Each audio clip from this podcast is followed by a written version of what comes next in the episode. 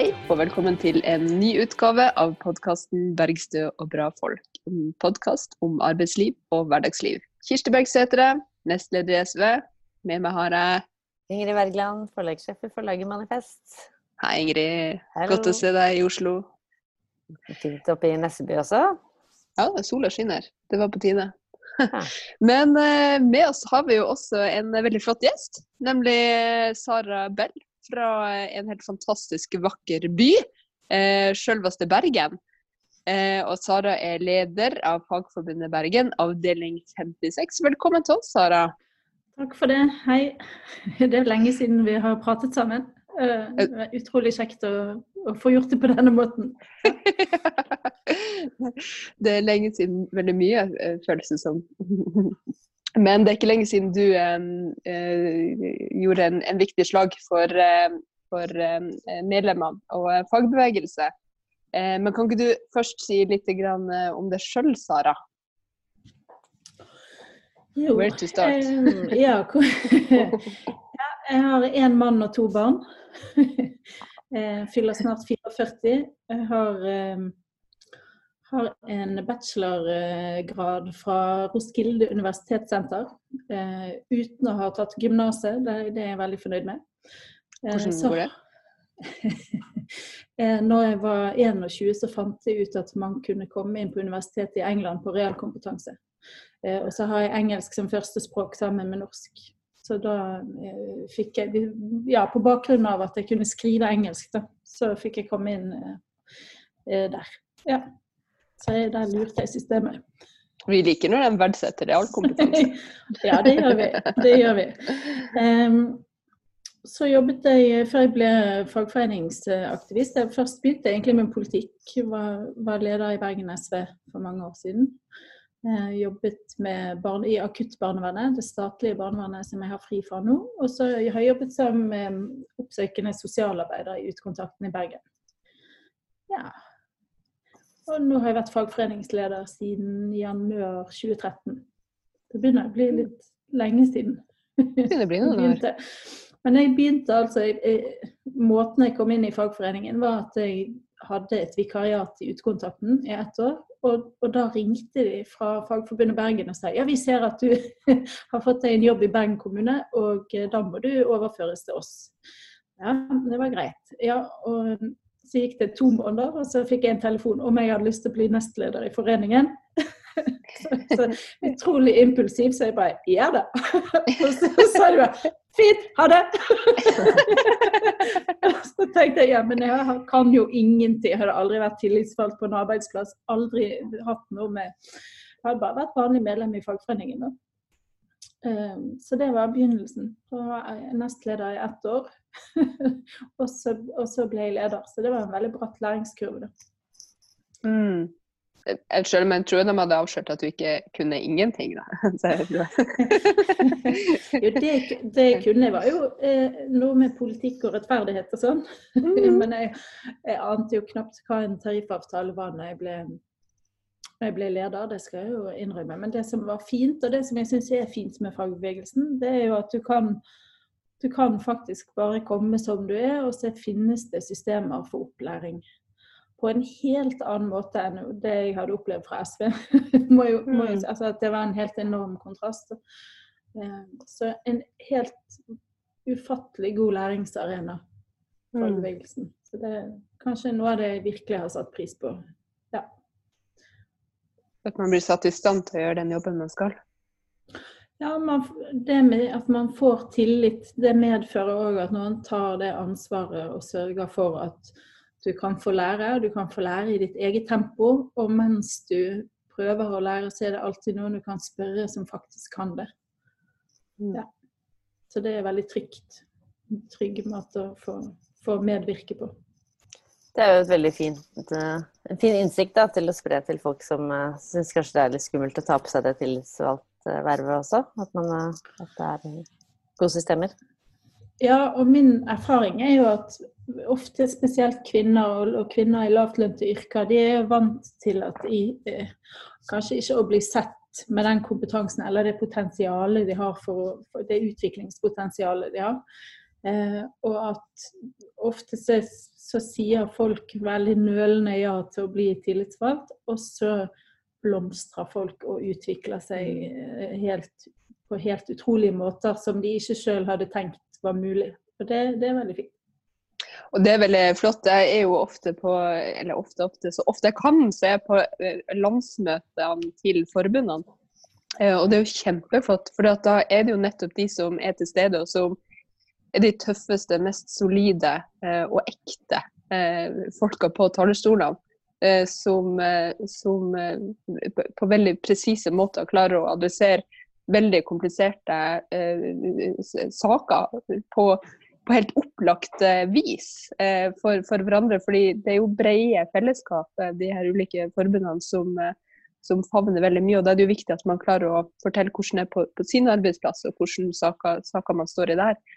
Og jeg er bare så dypt imponert over den der krafta som, som, som, ligger i det organiserte fellesskapet, og som de enkeltpersonene som klarer å, å målbære på det aller beste vis. Det er, det er helt uh, fantastisk. Og så tror jeg at, at, det trengs et sånt fellesskap for å få det til. fordi det er nå ikke sånn at, um, at vanlige arbeidsfolk og arbeiderklassen er flaska opp av sin egen fortreffelighet. Uh, så det er, jo, det er jo gjerne det fellesskap som gjør at vi Eh, folk våger og, eh, å, å, skjønne at man gjør det fordi at saker krever det. Ja, og så har fagbevegelsen den unike posisjonen at vi driver både med teori og praksis. Mens, og, det, og det tror, jeg tror mye, mange arbeidsfolk blir lei av sånn finpusset politisk retorikk. Det er mm. hyggelig med festtaler. Det er flott at det finnes folk som er gode til å, å formidle og snakke og, og, være på TV og sånn. Men eh, ord eh, uten handling, det, det, det, gir ikke så store forhåpninger. Og I fagforeningene så kan vi både på en måte eh, utvikle det teoretiske perspektivet vårt eh, på, på hva vi driver med, og så har vi den fordelen at vi må operasjonalisere det i det daglige, og det har vi kompetanse på og vi kan prøve ut, og det kan gå galt, og vi kan trekke det litt tilbake. Og, og, så denne, den operasjonaliseringsbiten, den syns jeg er helt unik for, for, fagbevegelsen sin måte å jobbe politisk på. For den er ikke, den er ikke, eh, måte, den er ikke skilt, skilt, fra det teoretiske, og det teoretiske eller det retoriske er ikke skilt fra den faktiske hverdagserfaringen som, som foregår ute på arbeidsplassene. For å ta tak i det konkrete eh, på arbeidsplassene, hvordan, eh, hvordan, mm. har, eh, hvordan, står det til i velferdstjenestene nå med, med koronaen? Hvordan er det i Bergen? Har merket, hvordan har dere merka disse?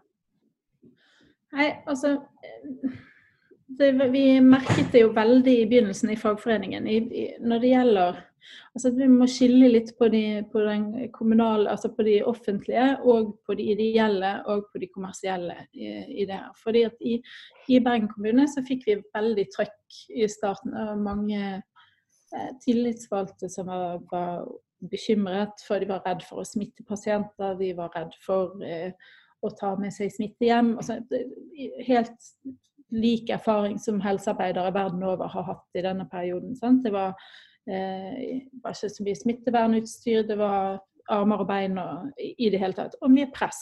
Eh, og særlig på, på steder som har utstrakt bruk, bruk av små deltidsstillinger, så, eh, så, har vi hatt mye fortvilte medlemmer som har ja, stort omsorgsansvar, lav lønn, som plutselig ikke fikk de ekstravaktene de skulle ha hatt ikke får forlenget vikariater. Jeg har snakket med en, et medlem som hadde et vikariat i kommunen som gikk ut, og som fikk beskjed om å melde seg til et kommersielt vikarbyrå, som i dag sitter igjen med en 5 fast stilling i et vikarbyrå.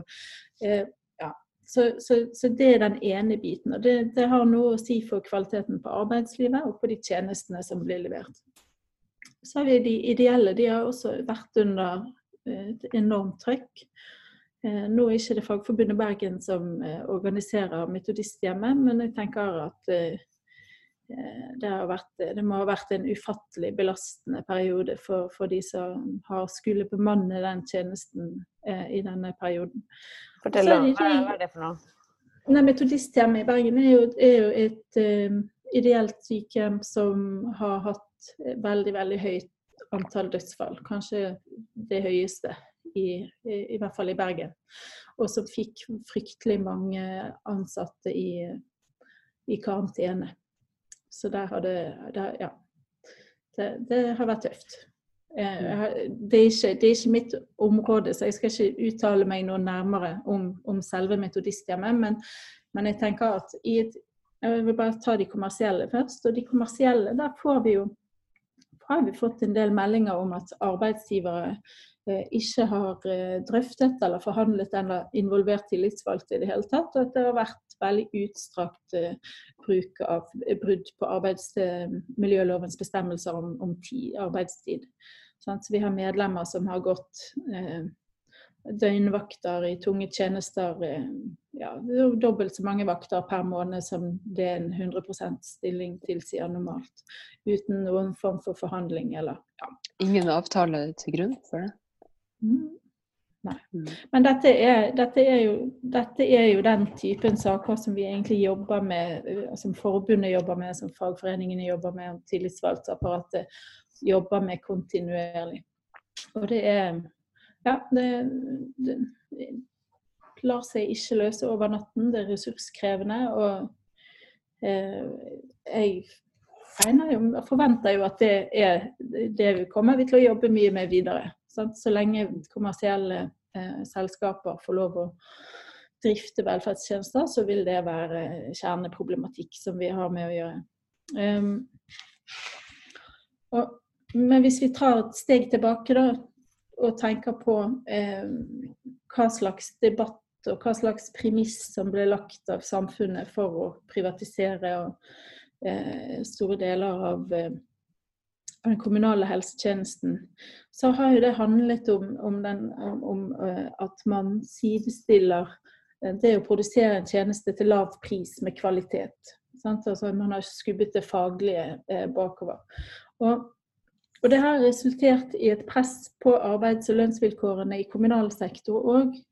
Sånn at det, det, å Vi har bruk for en plan, tenker jeg nå, hvis vi skal planlegge for fremtiden. Eh, der vi, vi, både får finansiert opp det som det egentlig koster å ha en kvalitativt god tjeneste med et kvalitativt godt arbeidsliv for de som jobber der. Eh, og jeg mener jo at vi ikke skal bruke noen av de kommersielle, selvfølgelig. Og jeg mener at vi, eh, det kan være fint med ideelle som supplement, eh, men kanskje færre enn det eh, som det er i dag. Men i en krisesituasjon så ser vi jo at de ideelle har ikke mulighet, eller de har ikke den samme kapasiteten som offentlig sektor til å flytte rundt på midler, skaffe folk. altså ja, gjøre det som skal til, rett og slett, for å håndtere eh, ting. Så Første ukene av koronakrisen så, så vi i Bergen at det var en del av de ideelle tjenestene som ble lagt ned for fattigfolk, for boligløse. Eh, ja. Så det hva som, hva som skal være offentlig sektor sine kjerneoppgaver, det blir en viktig del av en sånn debatt. Hvordan planlegger vi for en fremtidig velferdsstat? Eh, og hvordan deler vi på arbeidet? Mm. Hvordan, ja. Kan vi bare ta det første først? da, Sara? For når mm. du tenker Hva er det som skal være det offentlige oppgave, og hva er det som skal ligge i, i velferdsstaten, i kjernen av velferdsstaten? Tenker du da at, man, eh, at det blir en sårbarhet i å, over, eh, i å overlate en, en, del av de oppgavene folk er helt avhengig av, til, til ideelle? Var det, var det sånn, sånn, du tenkte ja, rundt, ja, rundt det? Mm. Ja, ja, det mener jeg. Jeg mener at det er en sårbarhet i det. Med mindre man eventuelt eh, på en måte presiserer hva eh, det offentliges oppgave er når de, sårbare, de ideelle blir sårbare. Men med de kommersielle så mener jeg jo at de at de fortrenger faglighet som på en måte mm. en, en ledetråd, en ledestor for organiseringen av arbeidet, og derfor ikke bør ha eh, noe virksomhet i det hele tatt innenfor den sektoren. Mm. Ja, for det, På den måten så blir vi jo gjort, gjort sårbar. Eh, det er jo et dypt politisk spørsmål hva som skal være i, organisere seg fellesskap og ikke Ja, og jeg tror vi må tenke på, på, på, på eldreomsorgen. At vi må tenke at det som skjedde med asylmottakene sant? Som når asylmottakene ble utsatt for sånn anbudsregime, eh, og de kommersielle kom på, så over tid så, så la de inn så lave anbud at aktører som Norsk Folkehjelp måtte slutte å drive asylmottak. Og det er på en måte, Selv om ikke det er helt likt, så er det noen lignende mekanismer i spill mellom offentlig, kommersiell og ideell eh, eldreomsorg som, som, vi er nødt til å se på skikkelig. Så det, ja, det er det ene jeg har tenkt på. Og så har jeg tenkt en del på at tjenester til eh, folk som er veldig utsatt, og det tenker jeg òg at egentlig burde være, burde være en mye større del av fagbevegelsen sin, på en måte sine kjernesaker. Eh, på, på et vis så syns jeg det er leit at det er Elisabeth Thoresen som skal stå fremst i kampen i AAP-aksjonen. For det burde naturligvis vært fagbevegelsen sin eh, en av våre fremste oppgaver å ta tak i. Så det, det er jo å etterlyse fra min egen bevegelse. Da, et større engasjement for Eh, å se sammenhengen mellom fattigdom og arbeidsliv. Eh, og, og kjøre sånne saker sammen som en helhet. Ja, for, altså, P-auksjonen er jo en sånn startet eh, Det har vel nærmest startet som en Facebook-gruppe, Facebook ikke sant? hvor det da er folk som er, er rammet av de, de, de, brutale kuttene i arbeidsavklaringspengeordningen. Men at det er det er fagbevegelsens uh, egentlig viktige jobb. Det er jo i hvert fall uh, vært historisk vært, vært fagbevegelsens ja. viktige kamper. Da, nemlig å kjempe for bedre, bedre trygderettigheter og, og, nettopp dette sikkerhetsnettet som skal hjelpe oss når, når vi ikke kan kjempe for bedre lønn og arbeidstid.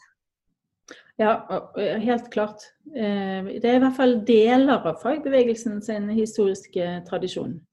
Eh, men, og all ære til Elisabeth Thoresen for den jobben hun gjør, mm. men er, jeg tenker at vi burde gi en god del mer drahjelp eh, på det. Og, og, og, det henger jo òg sammen med, med, debatten om velferdsstaten. Eh, hva mener vi er, er, det minste folk skal kunne klare å leve av? Det gjelder både når de er i arbeid, hva slags arbeidsvilkår de har, og også for folk som ikke kan jobbe. Eh, og der har vi òg på én måte, da, uten å synes at det er greit at, at folk nå skal, skal møte et, eh, et, Nav med sprengt kapasitet, så tenker jeg at det er en vekker, helt sikkert en vekker for utrolig mange mennesker som har tenkt at folk som går på Nav, er, at det er noe i veien med de. At mm. de, at de nå blir satt i en sånn sårbar posisjon. Og det gjør jo at vi, jeg tror jo at vi har en historisk mulighet til å skape en forståelse, en stor, større forståelse blant vanlige folk i samfunnet. At vi ikke eh, vi er ikke uangripelige. Eh, vi har ikke nødvendigvis en økonomi som vil hjelpe oss hvis, hvis noe blir tatt fra oss eller vi mister noe. Og vi, vi, vi er avhengige av hverandre. Det er veldig få mennesker i samfunnet vårt som kunne ha greid seg sjøl på, på, på, på, de pengene de har i banken. Da, og resten av oss, vi må faktisk finne gode løsninger.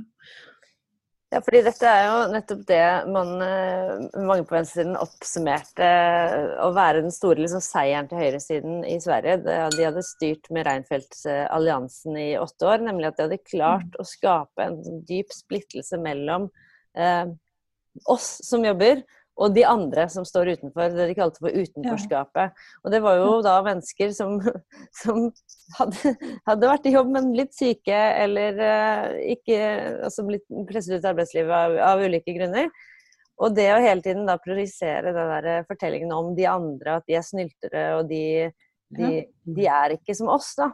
Uh, så, så, undergraver man jo fullstendig ja, kampen for fellesskapet og, og felles rettigheter. Ja, og vi reduserer jo mennesker til evnen å tjene penger. Som om altså, verdien av et menneske er evnen til å jobbe og, og tjene penger. Sånn er det jo ikke. Um, det, jeg bodde i Danmark i mange år, og, og der, der, begynte de med det her på 90-tallet òg. Og da begynte de med sånn uh, uh, arbeid for sosialytelser for ungdom. Eh, ja, kanskje i 3-94. Og da, da, hadde jeg altså venner som ble, ble sendt ned på Vesterbro i en sånn svær lagerhall. Og så på tre måneder så skulle de skru av eh, 60 000 sånn kaféstoler. Skulle de skru beina av de, og når de var ferdig med det Dette var for å få sosialhjelpen sin, eller så ble de fratatt sosialhjelpen. Og når de hadde skrudd av de der 60 000 beina av kaféstoler, så kom de en dag, og så skulle de skru de på igjen. Sånn?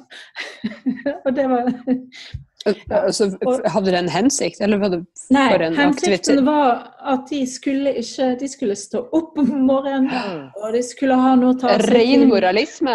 Ja. Ja. altså, det, men det var, det var meningsløst arbeid. Det var ikke engang liksom, sosial dumping i offentlig regi. Det var bare Jo, plaging. Det var plaging for å få beholde sosialhjelpen. Det var jo ikke lønnet. Sant? Mm. Eh, Og det, og det der, jeg syns det er et veldig godt eksempel på den tankegangen vi har Altså det menneskesynet som ligger inne i den veldig strenge arbeidslinjen, eh, der vi kan tillate oss å eh, gradebøye verdien til folk som ikke er i, i arbeid. Altså. Mm. Ja, Den og, samme debatten hadde vi i Norge òg, da, da det ble innført um, såkalt aktivitetsplikt til, for å Ja. motta sosialhjelp. Og det er akkurat det samme man, eh, man frykter. Og man har eksempler på. Mm. Uh, og det er jo en voldsom uh, utbredt at man sender uh, unge mennesker eller folk som burde vært på tiltak som leder til fast arbeid og sikker inntekt, inn i butikker eller lagre eller hva det skal være, som egentlig er der i kort tid for å jobbe og gjøre en, gjøre en ordentlig jobb, mens de som er i butikken eller på lageret havner i en verre skvis. mm, Og ja, det er jo ikke en arbeidsformidling man kan være stolt av, eller et velferdssystem som, som lager trygghet. Nei, og Det er også en voldsom ydmykelse å utsette folk på, Mm. fordi at de har vært uheldige med, med privilegiene sine, eller de har vært så uheldige og ikke ja, At det har, det har oppstått et eller annet på veien som gjorde at ikke alt gikk akkurat sånn som man hadde planlagt. Og sånn er det jo for de fleste av oss. At, at eh, ja, livet er ikke rett fram. Og vi er avhengige av at folk ikke fordømmer oss eh, og, og straffer oss for, at, for ting vi ikke nødvendigvis har noe kontroll over sjøl. Så det er noe med den totale mangelfulle respekten for folk. Og, og, og den, den tror jeg den Og den er ikke begrenset til de som er utenfor arbeidslivet. Den omfatter jo stadig større grupper i arbeidslivet. Eh, og særlig da tenker jeg i- Bergen kommune så, så er, gjelder det veldig mange damer med minoritetsbakgrunn som har små stillinger er avhengig av ekstravakter på sykehjemmene, i hjemmetjenesten osv. Så, vi har en vi har, og, og da hjelper det på en måte ikke med festtaler om heltidskultur eller øns, sånn veldig varme ønsker om å ta tak i ting. Eh, man må faktisk eh, kanskje ta på alvor at det, ja, at nå må det gjøres. Og samtidig så står vi i en situasjon der eh, vi ser at finansieringen av velferdsstaten kommer til å henge i en tynn tråd hvis høyresiden får bestemme. Sant? Uh, ja, så Og da er det dessverre de folkene som vi allerede, i hvert fall i, i Fagforbundet, prøver å kjempe ganske hardt for å få inn i trygge rammer, som vil eh, sitte ytterst på greinen hvis det blir kutt. Du var jo litt inne på det i sted, nemlig altså, både dette du sier nå med altså, Finansieringen må, må styrkes da, for at man skal få en Mm. eh, kvalitativt god velferdsstat. Eh, Ja. Men også, også arbeidsdeling, da. Eh, og nå er, vi jo en, nå er vi jo en situasjon med historisk høy arbeidsledighet. Det er jo mange som er permittert, og vi kan jo håpe at mange av dem går tilbake i, i jobb også. Men det er Mm. Ja, alle, alle analyser sier vel at vi kommer til å ha høy, høy arbeidsledighet uh, en stund fremover. Vil du si litt om dine tanker om det? Ja, to ting til det. Jeg har, tenkt, jeg har tenkt veldig på at jeg kanskje kunne tenkt meg negativ lønnsvekst for, uh, for folk som har veldig høy lønn. Jeg bare tenker, Vi må jo kunne diskutere hvor mye trenger egentlig et menneske uh, å leve for. Uh, altså, det er vel ingen som trenger mer enn en 800 000 å leve for, selv om de er aleneforsørger.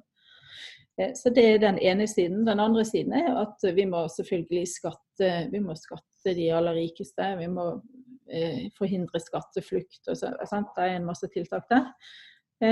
og så mener jeg at det helt åpenbart må eh, en arbeidstidsreduksjon på plass for å dele arbeidet. Og det tror jeg Jeg tror ikke det er noe sånn magisk det er sånn en magisk knapp man trykker på, og så løser det alle problemer. Men det er ett av flere virkemidler.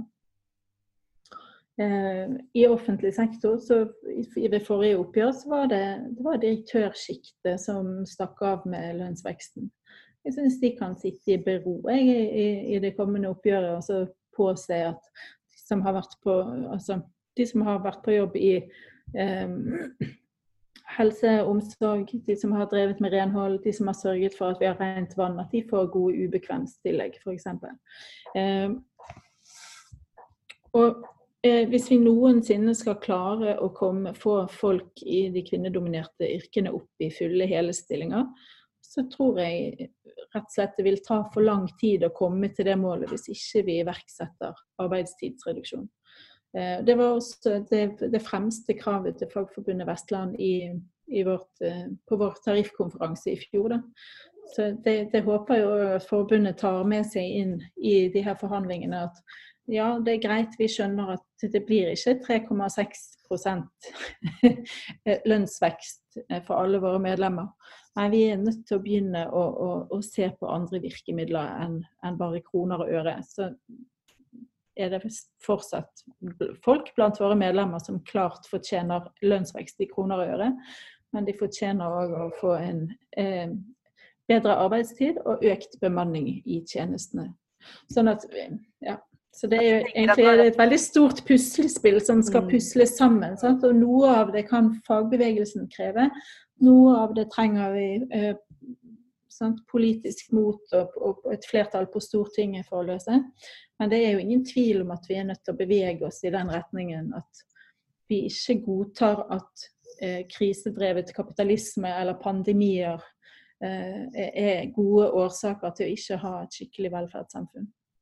Men du tenker da at eh, ved å eh, sette i gang med arbeidstidsreduksjon, så vil man og, mm. og da omdefinere hva heltid er, da, til å være litt, litt kortere uker enn, en det er nå, så, så, vil, så vil, flere kunne, kunne ja, få de rettighetene man jo da får med hele stillinger, og de, hva, liksom, slippe å jakte vakter, få skikkelig pensjon, bedre medbestemmelse på arbeidsplassen osv. Mm. Ja, og, og bli verdsatt. Altså hvis folk er gode nok til å gå i 80% stilling, så er de vel gode nok til å gå i 100 Er de gode nok til å gå i 30 er de gode nok til å gå i 100% Så Vi har et enormt klasseskille på den enkelte arbeidsplass mm. rundt omkring der, eh, som, som, som, går nettopp på, eh, på, ja, på tilhørighet og på lønn og på eh, hvilken grad man kan få medvirket til til eh, arbeidsmiljøet sitt, altså, ja, for, få, få faglig, uh, utvikle seg faglig osv. Så, og så, videre. så det, det, har, det, har, jo med hele Det har jo med en helhet å gjøre. Sant?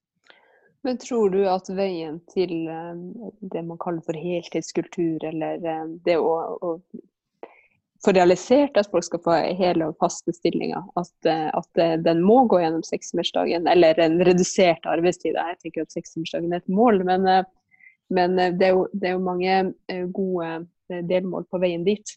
Mm, helt klart. For, ja, fordi det er jo sant, Noen løfter jo frem det ene, og noen løfter frem det andre, men det er jo egentlig eh, to kamper som utfyller hverandre. Men ja, som kanskje er mer avhengig av hverandre enn man tenker over av og til når man snakker om det. Jeg mener jo at den veien den helt åpenbart må gå gjennom arbeidstidsreduksjon. Eh, da, hvis vi har hvis vi skal være litt ambisiøse, så, så, så bør den og må den det. Eh, det som kanskje er, har vært største, det største hinderet det nå, er jo at det er andre deler av fagbevegelsen og eh, partiene på sentrum-venstresiden som ikke syns det er en god idé. Og Da blir det jo gjerne lagt parkert litt igjen. Men jeg tenker jo at den situasjonen vi nå står i, kan revitalisere tenkningen omkring deling av arbeid og arbeidstidsreduksjon. Også for de som er i, i, i privat sektor, ikke minst. Sant? Og i industrien. Og, eh, at det blir nødvendig at folk stiller seg det spørsmålet hva, hva kan vi bruke dette verktøyet til? Vi vet I Fagforbundet vet vi hva vi kan bruke det til for, på våre områder. Eh, det kommer jo noen, det kommer noen store omstillingsprosesser innenfor industri og innenfor produksjon av ulike ting. Da, og, der vil det kanskje også være nødvendig med kjempemasse skolering og kompetanseheving for at folk ikke skal bli arbeidsledige. Og der mener jeg jo at sekstimersdagen er jo et innlysende verktøy som kanskje ja, kan tenkes inn i en sånn sammenheng. At ikke mm. det er en, en ren At ikke det, det er et verktøy og for oss handler det om kvinnesak fordi vi organiserer kvinner. Men det kan jo like gjerne bli industriarbeiderens beste venn òg. Ja. Mm. Og noen har jo det. Mm? Altså Hvis vi tenker på arbeidstidsordninga med to uker på fire uker ras. Og den er jo kjempa frem. Og hvis du bryter den ned, hva er det for noe da? Ja. Men det, er jo de som jobber offshore, som må, som må, være borte lenge fra arbeidsplassen sin. Det er jo ikke et mål, eller fra, eh, på arbeidsplassen fra familien. Det er jo ikke mm. nødvendigvis et mål at alle alle skal det, men eh, veldig mange må jo det. Ja da. Ja. og da må man ha tida etterpå. Som, eh, som, eh, det er to fortellinger som fortelles samtidig i vår tid. Det er jo både at automatiseringen og robotiseringen og teknologien går i så rasende fart at det er store store mengder mennesker som kommer til å miste levebrødet sitt. Eh, samtidig som vi får høre at det er ikke nok folk. Vi har ikke nok folk i det hele tatt til å gjøre de viktige jobbene vi skal gjøre framover. De finnes ikke! Hvor er de? Og det er jo litt sånn Ja, vent litt. Nå må du ikke velge. Ja. Men det er klart det er eh, Det er jo ofte kommer ofte tilbake til eh, finansiering og mm. økt skatt. Mm. Det vil vi gjerne ha. Enig. Bra. Uh, dette kan man jo snakke veldig, veldig lenge og, og mye om, men uh, vi må, vi må, ikke glemme vårt aller viktigste spørsmål i denne podkasten. Nemlig det alle lytterne sitter og venter på. Spørsmålet lyder Hva var din første jobb, Sara Bell? Ja, det måtte tenke meg veldig grundig om. Og det kan være jeg har hatt noen tidligere jobber, men jeg kommer ikke på de. Men når jeg var 15 og begynte på videregående skole, så droppet jeg ut etter to måneder. Da hadde jeg så høyt fravær at jeg ikke fikk bortebo og stipend, så da besluttet jeg meg for å slutte på skolen. Eh, og da ble vi da ble vi fulgt ned på arbeidsformidlingen. Eh, og eh, der eh, kunne vi da søke praksisplass, og det kunne vi få hjelp til av de. Eh, og jeg sa det at det klarer jeg fint sjøl. Så mine to første jobber egentlig, for det fikk jeg fikk jo penger for det. Det var først på Arctic reklamebyrå i Bergen. De lærte meg å ta telefon uten å si ja.